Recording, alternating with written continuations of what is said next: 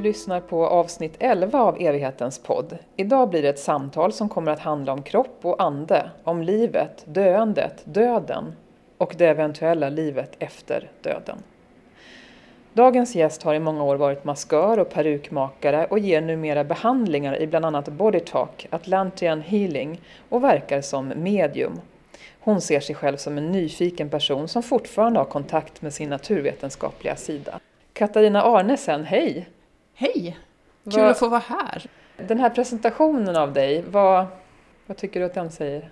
Att jag har hunnit med mycket i livet och fortfarande är nyfiken. Vad är meningen med livet?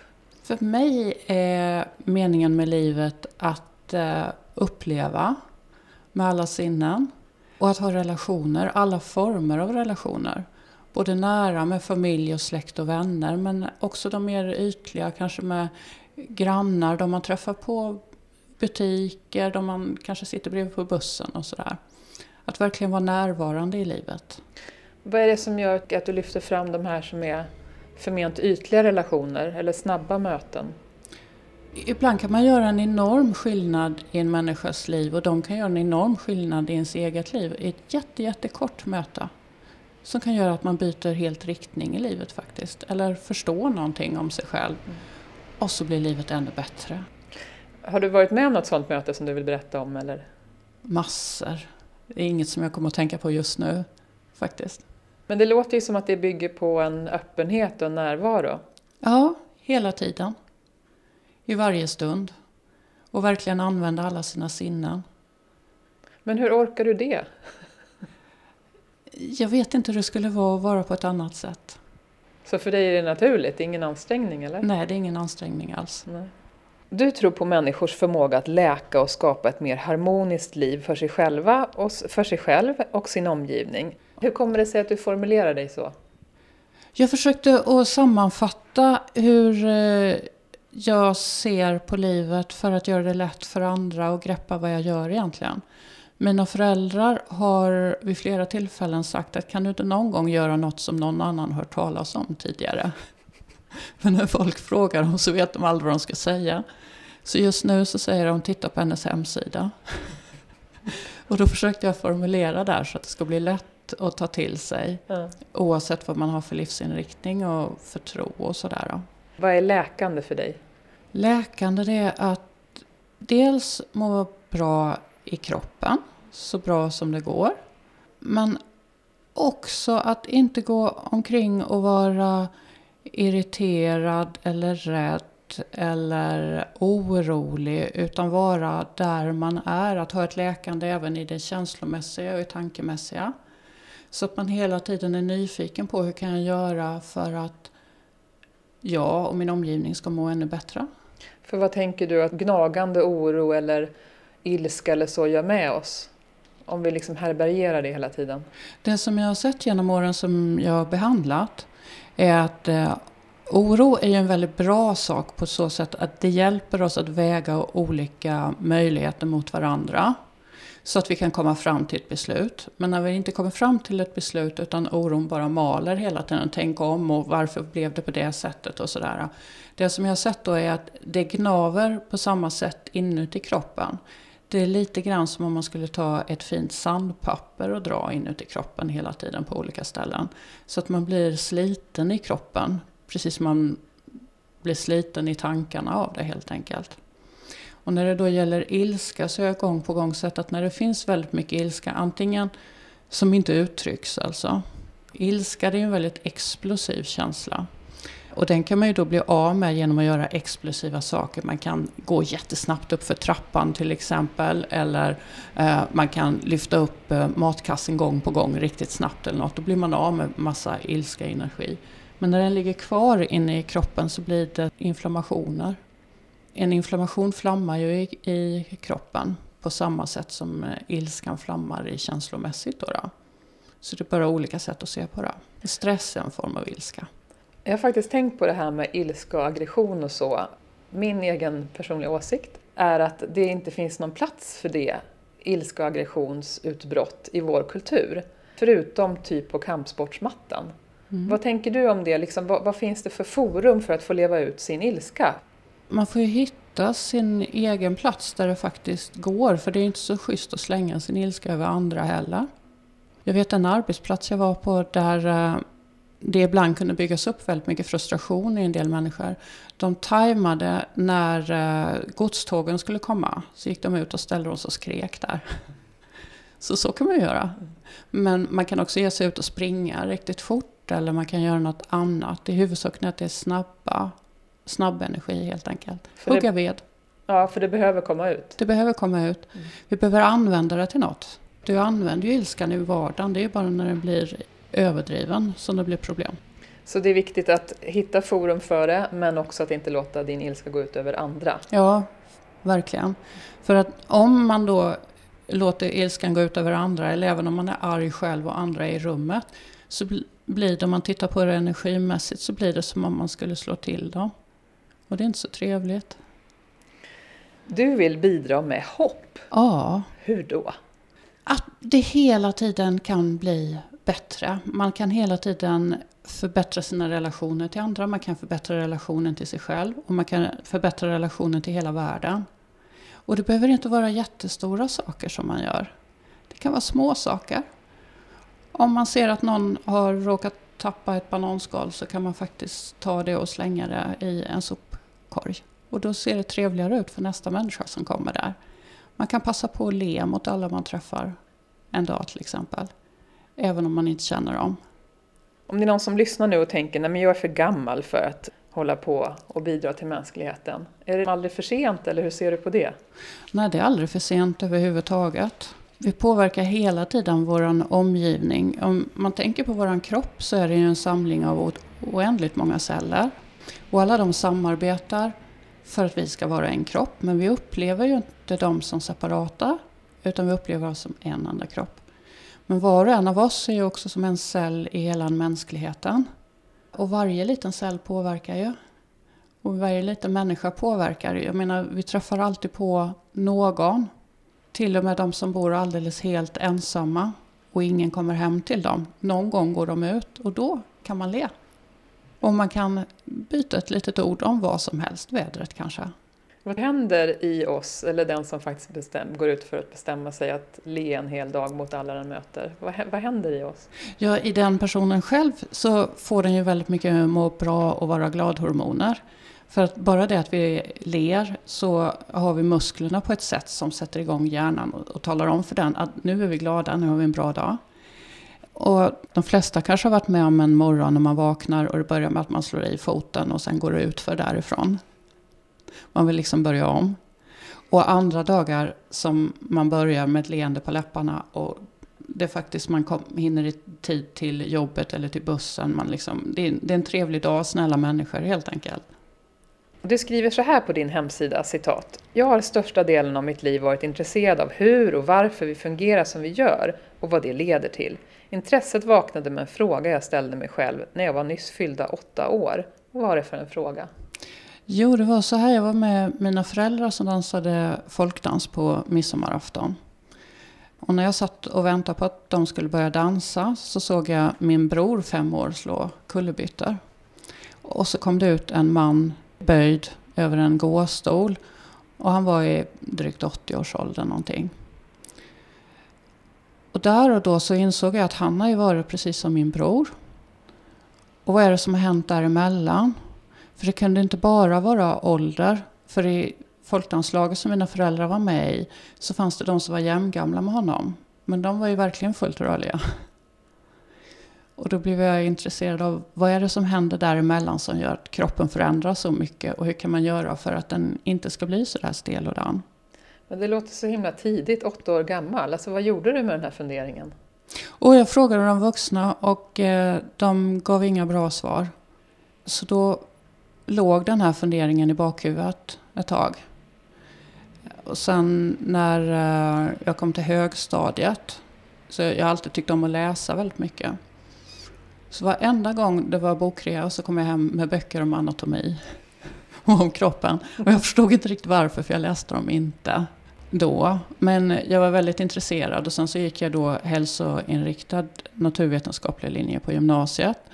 Så där fortsatte hälsointresset, fortsatte att titta och det viktigaste jag lärde mig där var att tänk själv. Ta in väldigt mycket information och dra slutsatser. Men hur kommer det sig att du köpte de där böckerna och sen inte läste dem tror du? Det är en lång omväg. För sen när jag var eh, drygt 20 så utbildade jag mig till massör. Då kom jag i kontakt med reiki. Men blev inte intresserad av det överhuvudtaget. Varpå jag lite senare när jag väl började utbilda mig inom reiki kom i kontakt med bodytalk. Det var precis när bodytalk började. Och började utbilda mig inom det och där hittade jag det jag hade letat efter från när jag var åtta. Fast jag hade inte vetat att jag hade fortsatt att leta. Utan det hade bara pågått. Och då blev det att jag skulle översätta massa läroböcker i hälsa. Och då hade jag ju ett helt bibliotek. Det var ju redan färdigt. Och så där har det varit för mig väldigt många gånger i livet. Att det kommer en fråga och sen är det som att den ligger i bakhuvudet. Och så är det som att jag samlar in massa information. Jag hamnar på rätt ställen. Och sen helt plötsligt så får jag användning för det och då har jag redan alltihopa det. Hur är det att vara sån? Att du ställer en fråga och så vet du inte riktigt varför du ställer den men så plötsligt så har du svaren eller du har liksom ägnat dig åt något slags samlande? Eh, hur är det att vara sån? Det har varit så jämnt. I hela livet faktiskt. Det är om jag tar en enkelt exempel. När jag jobbade som maskör och perukmakare så flyttade jag väldigt ofta. Jag flyttade 32 gånger på 11 år. Och då behöver man få tag på väldigt många lägenheter. De flesta har jag hyrt in mig i kortare eller längre tider. Då. Och då har jag alltid gjort så att jag har skrivit ner vad jag ville ha. För då har jag tydliggjort för mig själv att det är det här jag vill ha. Och så har jag satt in en tvåraders annons. Söker boende och så bara telefonnumret. Och det har alltid hört av sig bara en eller två. De har haft det perfekta boendet, precis det som jag hade skrivit ner. Så jag har alltid gjort så med alla möjliga olika saker. Det här att du flyttade så ofta, var det för jobbets skull? Det var för eller? jobbets skull. Mm. Mm.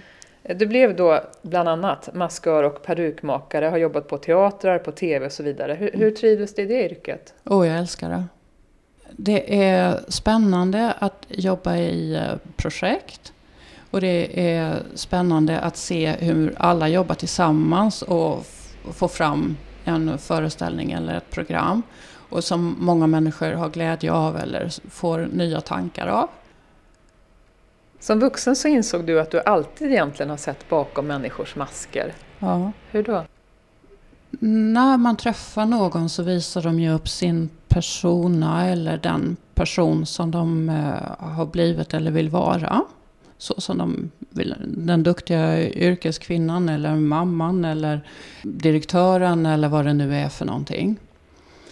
Eh, och om jag då är helt avslappnad i sammanhanget och sådär. Så har jag gång på gång gjort bort mig i det lilla. På det sättet att eh, jag har råkat, och jag visste inte det, jag råkade fånga upp saker om dem som de kanske tänkte mycket på just då. De kanske hade en sommarstuga som de höll på att renovera och sådär.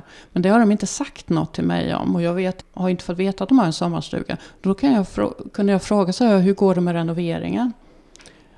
Och det blir ju jättekonstigt för då tror jag att de har sagt det till mig. Och det handlar inte om att eh, man läser tankar, utan det handlar om att det som vi tänker väldigt mycket på, det ligger liksom som i auran runt omkring oss. Likadant som eh, väldigt starka idéer, föreställningar vi har om någonting ligger också där. Och det är det som man möter först. Men eh, jag trodde att alla hade det så. Det var därför som jag blev förvånad över att människor ljuger så mycket som de gör. Och som barn så reagerade jag då på att eh, när jag då sa men så här är det ju egentligen. Så sa de att nej, nej, så är det inte. Så har de inte sagt.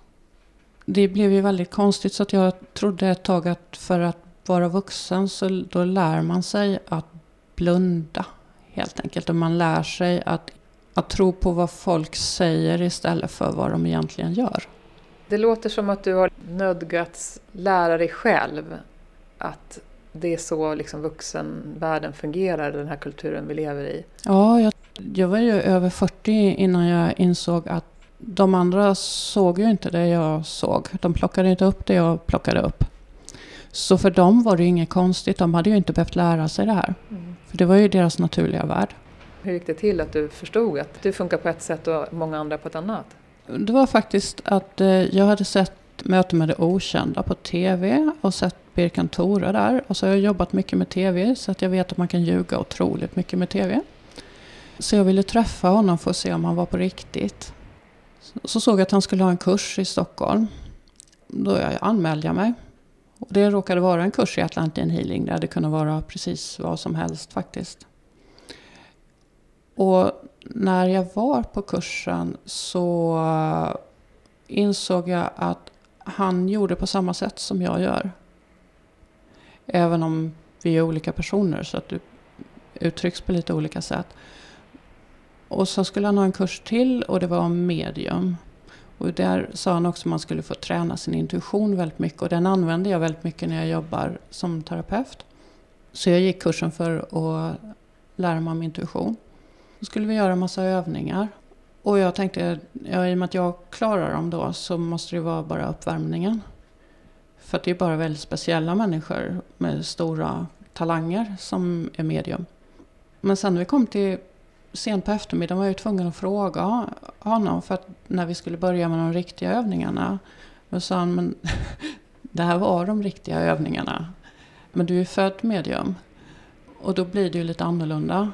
Och så gav han då exempel på, har du varit med om det här och det här och det här? Eh, ja, oh ja. Har inte alla det? Nej, det har de inte.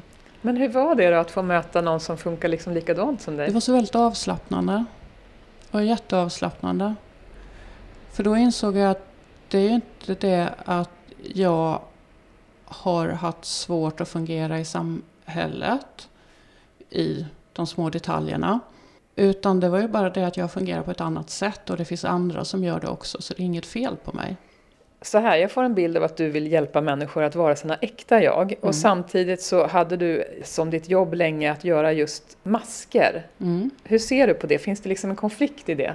Nej, inte alls. Utan masken använder man ju för att tydliggöra personligheten som den personen ska spela. Så det är ju mer att man gör den lättare att uppfatta helt enkelt. Nu under coronapandemin här så har du kommit på att du även kan jobba på distans. Hur då? Ja, nej, men det har jag gjort i 30 år. Jobbat på distans med behandlingar. Så coronapandemin har väl mer gjort att de som jag normalt brukar träffa på kliniken träffar jag på distans nu också. Då, då. Och tid och rum fungerar ju inte så som vi tror. Sett ur fysikers ögon. Och det gör ju det att vi bokar en tid och så sker behandlingen där de är. Helt enkelt. Även om jag är hemma hos mig. Så det låter som att det inte är någon stor grej för dig? Nej, det är helt naturligt. Mm. Och fysiker kan förklara exakt hur det går till och varför det fungerar. Men för mig räcker det att det fungerar. Det är ju på samma sätt som att jag har en mobiltelefon och det räcker för mig att det fungerar för mig att ringa med den. Jag behöver inte förstå exakt hur det går till för jag tycker det är ännu mer magiskt. Jag kan slå ett signal och någon svarar på Borneo. Hur hittar den fram? Men det funkar på ett likartat sätt. Gör det. Så du tycker att det är mer magiskt att du kan ringa någon på Borneo och den svarar än att det Ja. funkar att ha alternativmedicinska behandlingar på distans? Ja, oh ja, det är oerhört mycket mer fantastiskt. För vi är ändå levande system, det är inte mobiltelefonen. Då är det en massa tekniska saker som ska funka däremellan. Hur tänker du annars att vi påverkas på ett existentiellt plan av coronapandemin? Jag tror att väldigt många människor har fått möjlighet att möta sig själva. För att det blir färre saker som distraherar runt omkring. Jag tror att vi har fått mer och mer klart för oss i breda lager vad viktigt det är med beröring. Och vad viktigt det är med relationen till sig själv. Många kan uppleva att de har en beröringsbrist nu, men vi kan alltid beröra oss själva. Man kan massera händerna eller fötterna eller ta en, en skön dusch eller så här och verkligen känna hur vattnet rinner. Alltså att fokusera på vad kan vi göra i det lilla för att göra det riktigt bra. Och jag tror väldigt många har fått den möjligheten nu. Och jag tror också att många har fått möjligheten att se att livet kan vara helt annorlunda när det är lite mindre stress, när vi inte behöver ta oss till många ställen. Men på dig låter det som att du ser flera fördelar eller uppsidor för människor? Mötet med sig själva till exempel. Ja, jag tycker det finns jättemånga uppsidor. Absolut. Och nu är vår hjärna tränad till och gjord för att uppleva det som avviker. Det är därför som när man tittar på nyhetssändningar så tar de ju bara med nyheter, alltså det som avviker. Och vår hjärna letar efter vad som avviker och vad vi behöver förändra hela tiden. Och det gör att vi kanske lätt missar allt det här bra som vi verkligen har och som vi har möjlighet till hela tiden. Men vi lägger inte märke till det. Förrän vi inte har det? Förrän vi inte har det. Eller när det inte längre är självklart. När det bara, inte bara är det som gör att eh, hjulen rullar helt enkelt. Så jag, jag tror att det kommer komma väldigt mycket bra ut ur det här med coronan. Även om coronan i sig själv är fruktansvärt tragiskt. På din hemsida så skriver du så här. Ingen av de behandlingar eller konsultationer jag tillhandahåller är ett substitut för vedertagen medicinsk vård. De är ett komplement. På vad sätt är det viktigt för dig att poängtera? Det är viktigt för att det, det finns människor som tror att det är någon form av krig mellan eh, alternativmedicin och eh, vedertagen medicin. Det finns de som tror att det är ett motsatsförhållande och det är det inte. Det är bara två olika sätt att eh, närma sig, eller många olika sätt snarast, att närma sig hälsa för människor. Du gick naturvetenskaplig linje på gymnasiet och det kan ju låta som att det, att det är väldigt långt mellan det objektiva, det naturvetenskapliga sättet att närma sig saker, sökandet efter sanning och så, och det här alternativmedicinska som är liksom svårare att ta på. Är det det för dig eller hur, hänger allt ihop eller hur, hur ser du på det? Du menar objektivt som att man kan mäta och väga saker? Ja, till exempel. Ja, det är ju så att eh, för inte så jättelänge sedan så visste man inte att det fanns virus och bakterier för man hade inte sett dem. Men man visste att det var någonting som pågick och man förutsatte att det fanns något likartat. Jag tänker mig att väldigt mycket av det som jag gör, det är bara det att vi har inte apparaterna för att mäta det ännu. Men chakror till exempel, det kan man filma i realtid. Meridianerna har blivit uppmätta med låggradig eh, ström och fotograferade. Så jag tror det är mer det att tekniken har inte hunnit ikapp än. Du är nöjd med att det fungerar och att det gör skillnad och att människor mår bättre. Mm. Du behöver inte kunna mäta och väga. Alltså jag kan ju mäta det i deras upplevelse men jag kan också mäta det i att de kan se att deras blodtryck har gått ner. Att inflammationer har försvunnit och sånt där. Så att det, jag menar det, det vore jättebra om vi kunde ha ett större samarbete helt enkelt. För då kan vi båda sidorna, hur man nu ska se det, ha hjälp av varandra. Och så är det på många ställen i världen. Men Sverige är ett av de ställena där det inte är så ännu. På andra ställen i, i världen, så många av dina kollegor inom behandling som Body Talk och Atlantean Healing eh, runt om i världen är också naturvetare. Ja. Vad, vad tänker du om det? Jo, men man är ju naturligt nyfiken. Man vill liksom veta mer, man vill förstå mer.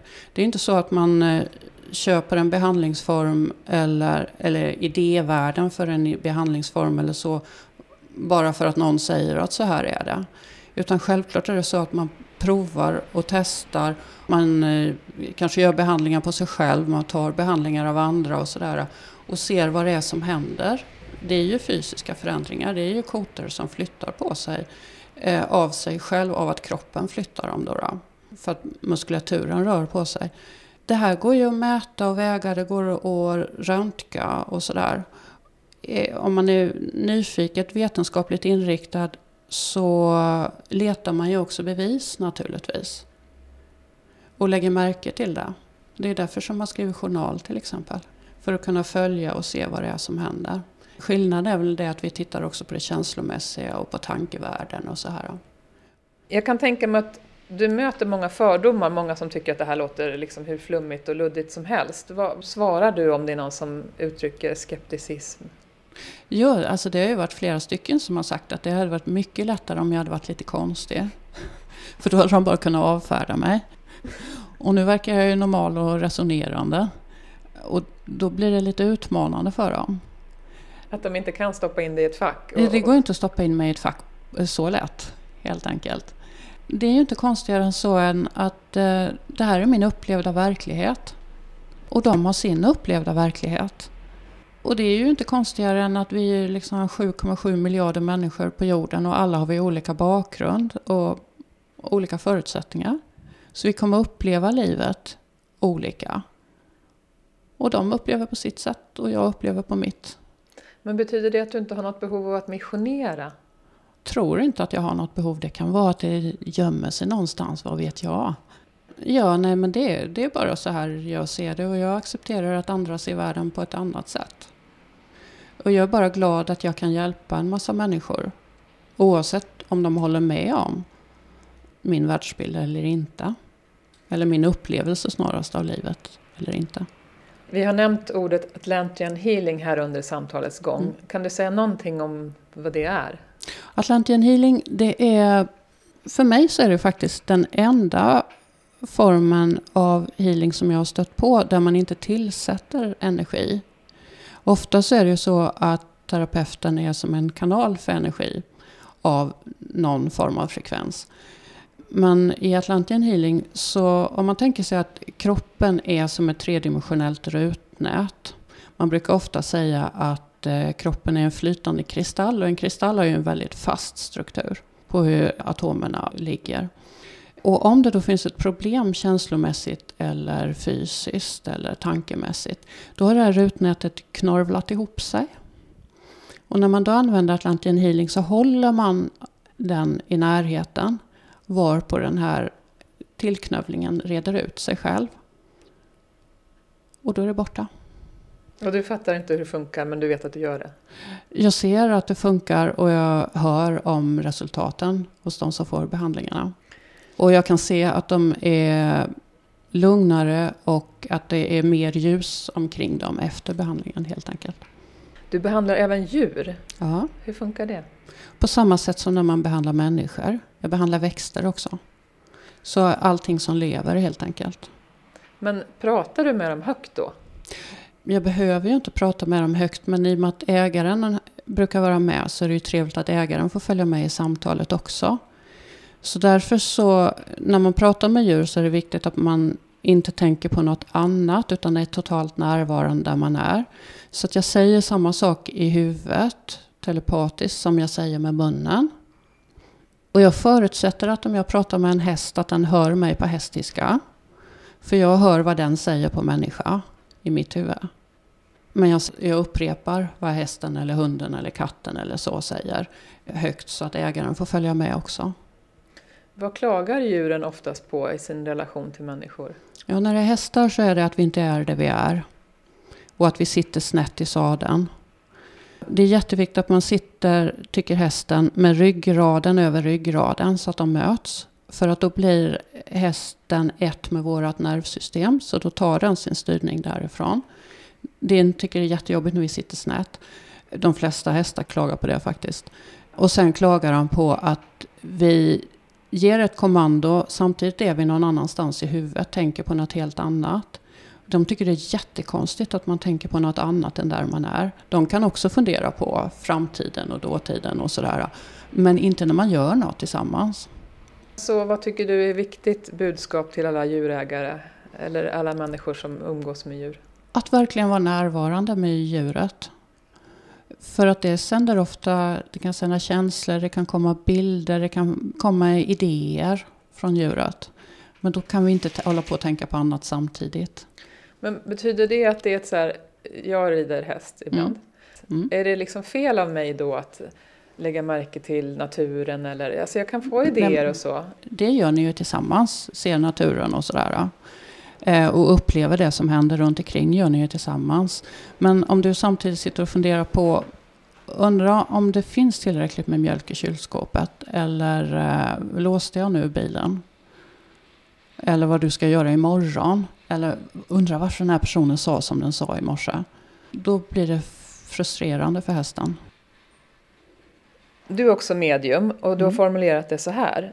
Min roll är att vara språkröret eller telefonledningen eller tolken som möjliggör kommunikation. Du kan tänka dig mig som en mobil utan avlyssningsmöjlighet. Och lite senare skriver du så här. Om du främst är intresserad av att samtala med släktingar och vänner som dött är det troligen bättre att du besöker ett annat medium som är mer inriktat på det och bra på att få kontakt med dem. Jag är betydligt bättre på att hålla kontakten med guider och änglar än med släktingar. Vad kommer människor till med dig? Allting, faktiskt. Det kan vara att de känner att de har kört fast i livet och vill titta på möjligheter de kanske inte har lagt märke till, talanger de kanske inte har lagt märke till. De kan behöva få en andra synvinklar på saker som har hänt tidigare i livet eller på sina tankar. Väldigt många kommer för att lära känna sig själva eller försonas med sig själva faktiskt. Saker som har hänt i livet. Titta på relationer i familjen. Och då får jag ju bara titta på relationen, eller så som mitt mediumskap funkar så kan jag bara titta på relationen mellan den personen och den andra. Så jag kan inte titta på den andra personen i relationen. Men en relation mellan människor är som en egen varelse. En del av de som söker upp dig vet att de ska dö inom en snar framtid. Mm. Hur kan du hjälpa dem? Då pratar vi om döden, allt som gäller döden. Deras rädslor, deras funderingar, deras idéer. För att så som det är i samhället idag så finns det lite brist på möjligheter att få prata om döden. Men någon som inte har några som helst problem med döden. Jag hade en kort period i 14-15 års åldern när jag försökte att vara som alla andra och försökte då att tro på att döden var slutet på livet. Och det gick jättedåligt. Varför hade du behov av att när man är i tonåren så, där så vill man gärna vara som andra. Men när jag hade gått på begravningar och så, så såg jag ju den döde i sin energikropp i kyrkan. Ofta en bit ifrån kistan eller så. Och den var ju absolut levande. Så för mig var det ju aldrig så att de försvann. Det var bara det att de inte längre har någon kropp. Och det är ju en väldigt stor skillnad. För man kan ju inte få beröring, man kan inte få doftintryck och smakintryck och så av personen. Men eh, jag kunde ju fortfarande prata med dem och se dem. Kan du ge något exempel på någon person du har mött som du har hjälpt i slutskedet av livet? Jag hade en kvinna som var över 90 år. Och när hon kom till mig, det första som hon sa första gången var att jag kommer för att jag vill eh, få kroppen att fungera bättre den sista tiden för att jag ska snart dö. Det är snart min tid. Och hon såg pigg och frisk ut för att vara i sin ålder. Men jag ifrågasatte inte det för jag tänkte hon känner hon på sig att hon snart ska dö så kanske det är så. Tredje och sista gången som hon kom, då visste vi båda två att det var sista gången som hon skulle komma. Då när jag började behandlingen, det var i en källarlokal och det var bilar som åkte utanför. Och när jag började behandlingen, då gjorde vi en healingbehandling, så blev det plötsligt mycket dovare ljud i hela lokalen. Och sen så blev det ljust och det lät som små pinglar, små klockor i luften hela tiden. Och hon gick liksom mellan världarna under hela behandlingen. Och det var otroligt mycket kärlek i hela rummet. Det var som man nästan skulle kunna ta på den. Det var som att hela luften var full av kärlek. Och sen när vi var färdiga med behandlingen, då så blev det mörkt igen och ljuden kom tillbaka runt omkring. Det var bara en sån otroligt vacker upplevelse. Men tror du att det var någonting som du upplevde eller hon också? Hon upplevde det också, för vi pratade om det under tiden. Och hon upplevde mer för att mitt subtila synsinne är det svagaste av mina subtila sinnen. Men hon såg ju de som var där också, det gjorde inte jag. Vad tror du att det gjorde med henne? Och hon hade varit öppen för det hela livet. Men det som det gjorde för henne framför allt var ju att eh, hon fick delade med någon innan hon lämnade kroppen. Så att det blev verkligare för henne. Det var i alla fall det som hon uttryckte. Men jag har haft andra som har ringt mig från eh, när de ligger inne på sjukhuset för, och det är sista dagarna och sådär. Och då säger de att det var skönt att få en introduktion så att det inte blir konstigt. Att de plötsligt upplever sina tidigare släktingar och sådär. Du har även mött människor som är i livets slutskede och som har någon form av demenssjukdom. Mm. Och, och det är lite speciellt runt det, eller? Ja, jag har, eh, jag har följt en släkting som hade Alzheimer och som eh, visste att det var stor möjlighet att den skulle få det helt enkelt. och var rädd för att den inte skulle klara av att dö, att den inte skulle veta hur man gör, för att den hade ju aldrig gjort det förr. Och då visste jag från andra som jag har träffat och pratat med att det är som att slöjan mellan världarna, mellan de som har kropp och inte har kropp, blir tunnare och tunnare. Så att det blir mer och mer så att de som inte har kropp blir tydligare för personen än de som har kropp. Vilket gör att de ofta sitter och pratar ut i luften fast för dem pratar de ju med en person. Och de har glömt att den är död helt enkelt. Och sen till slut så är vi väldigt otydliga för dem och de andra är väldigt tydliga. Då sa jag att när du kommer dit då kommer de sträcka ut handen och då tar du bara handen och så följer du med. Men vad tror du det skulle betyda för oss som är runt människor med olika former av demens? Att vi kunde se det så, för att vi fokuserar så mycket på att en människa haft olika förmågor och inte har det längre. Mm. Men de har andra förmågor istället, eller andra förmågor blir tydligare. För den här släktingen till exempel pratade ju väldigt mycket med de som inte hade kropp. Och då var det varierande om de pratade med ord eller om de pratade inne i huvudet. För det funkar lika bra. Vet du att ordet demens betyder utan själ? Det är jättehemskt. Man skulle kunna se det mer som att de håller på och testar och tar sig ur kroppen med sin själ. Men det innebär ju inte att de inte har någon själ, utan det är bara det att den är lite varierande var den är för någonstans. och det kan vara lite svårt för omgivningen att acceptera eller se? Eller? Ja, det tror jag. Absolut att det kan vara. Men hela personen finns ju där, det är bara det att den inte kan uttrycka sig på samma sätt. De som inte har haft kontakt med spöken eller andar eller änglar eller en annan dimension av, än den här på jorden överhuvudtaget. Mm. Är det liksom något fel på dem? Är de inte tillräckligt eh, öppna eller? Nej, det är bara det att de tittar på andra saker istället. Helt enkelt. Alla kan ju träna sig.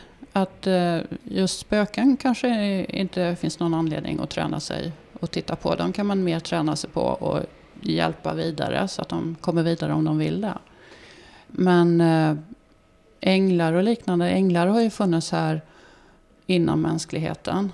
De tillhör inte någon religion eller så, det är bara det att just nu kallar vi dem för änglar. Vi skulle kunna kalla dem för något annat. Och jag tror de allra flesta människor har varit med om att de i någon situation när de kanske var väldigt rädda plötsligt kände en värme omkring sig. Eller kände att de eh, inte är helt ensamma när de går ensamma på en väg och det är mörkt till exempel. Bara någon var här och helt plötsligt så känner de en närvaro. Och då är det väldigt ofta en ängel som är där och hjälper till. Alla kan träna upp sig. Det kan vara så enkelt som när man står i kön på matvaruaffären. De allra flesta känner av om det kommer någon och ställer sig bakom dem. Och då kan man försöka känna in om det är en man eller kvinna innan man vänder sig om och tittar. Det är ett sådär lätt sätt att träna. Men man kan också träna sin hörsel genom att till exempel försöka komma ihåg precis hur en eh, låt man tycker om låter. Eller hur någon låter när den pratar. För då tränar man sin subtila hörsel. För man kan också lika gärna få...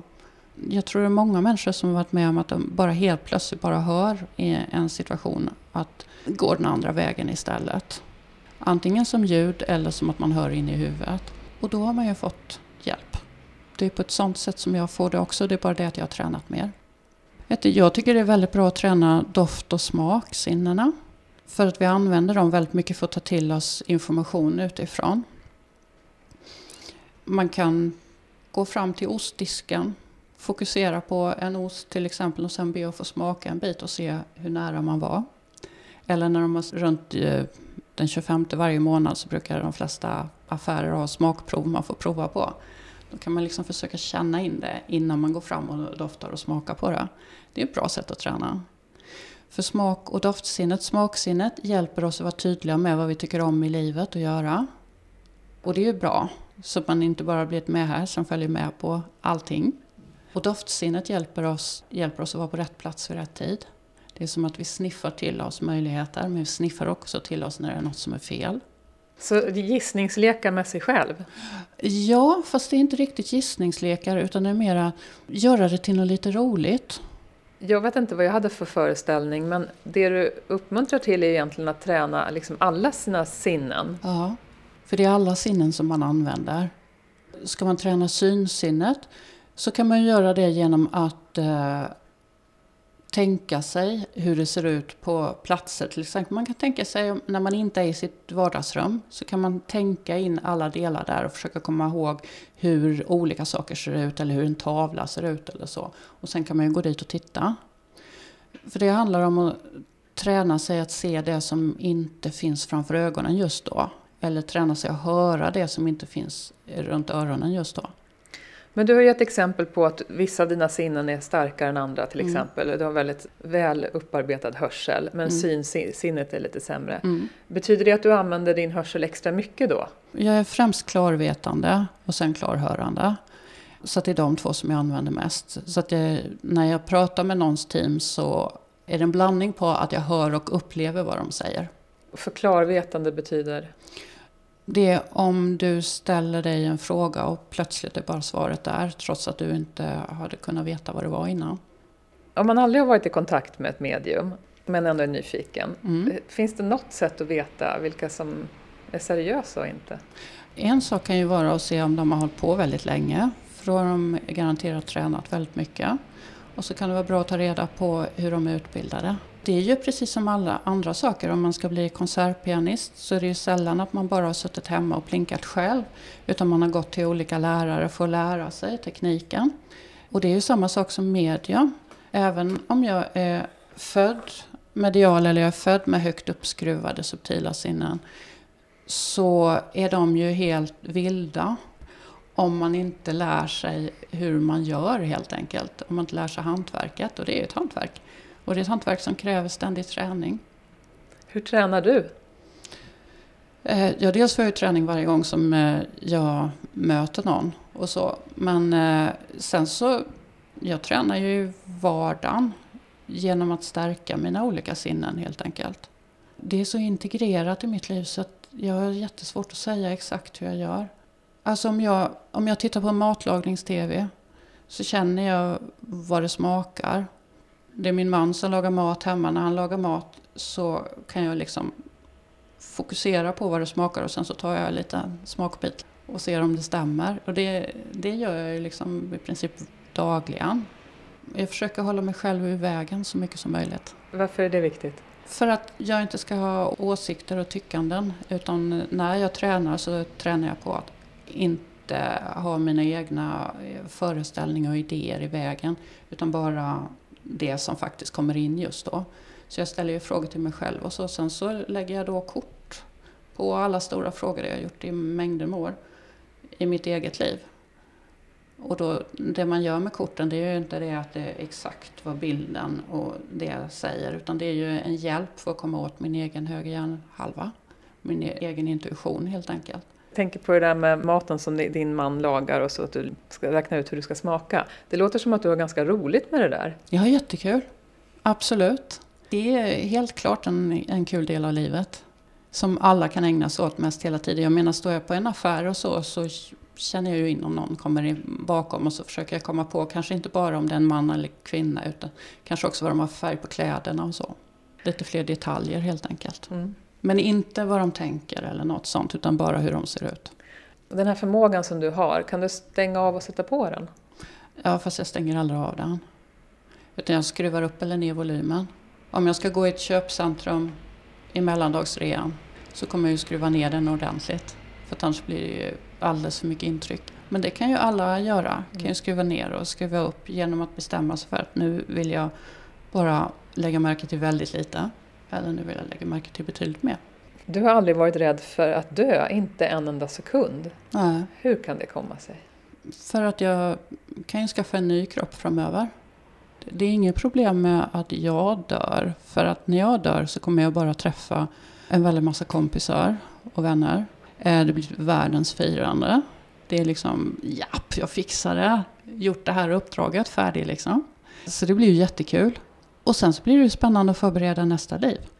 Så det är inga problem. Det som jag inte tycker är så roligt det är när eh, vänner och bekanta och släktingar dör. För att även om jag kan fortsätta att prata med dem och uppleva dem så kan jag ju inte ta på dem och jag kan inte få ett telefonsamtal från dem och jag kan inte känna deras doft och sådär.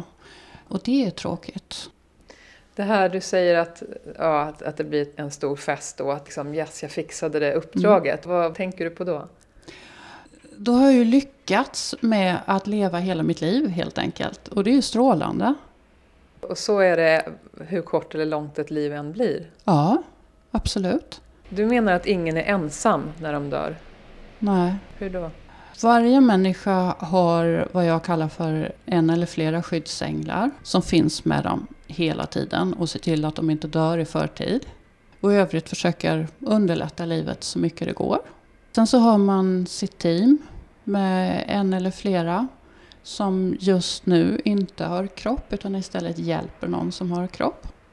Genom att inspirera, ge inspirerande tankar. Det är det här när man ställer sig en fråga eller undrar över något, söker något och plötsligt får man se en massa artiklar om det. Man kanske söker på nätet och det dyker upp saker där och man hör folk prata om det. Det är som att allt handlar om det här. Det är lite grann som om det är någon som gärna vill ha barn så ser den att alla är gravida plötsligt. De hjälper genom att inspirera då. Och de finns ju med.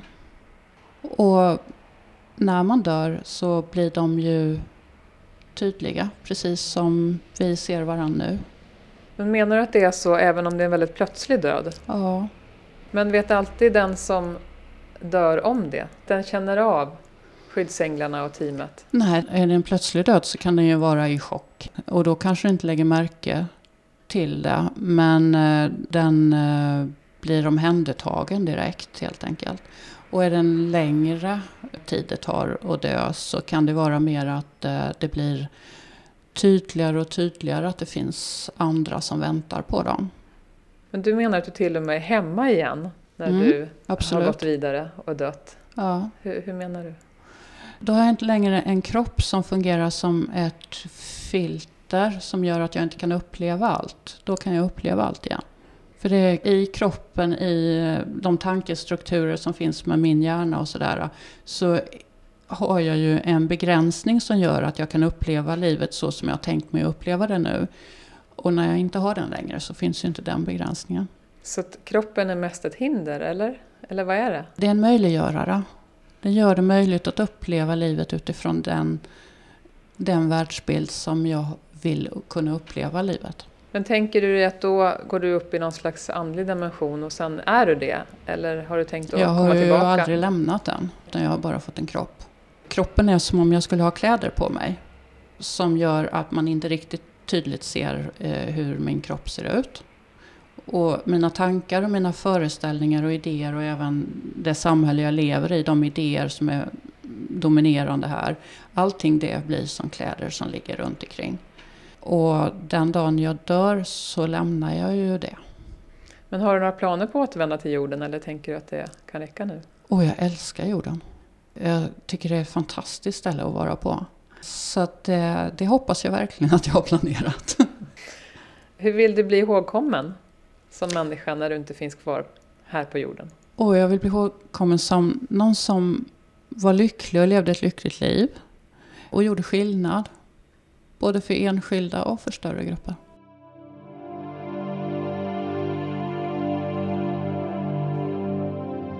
Det säger Katarina Arnesen här i evighetens podd.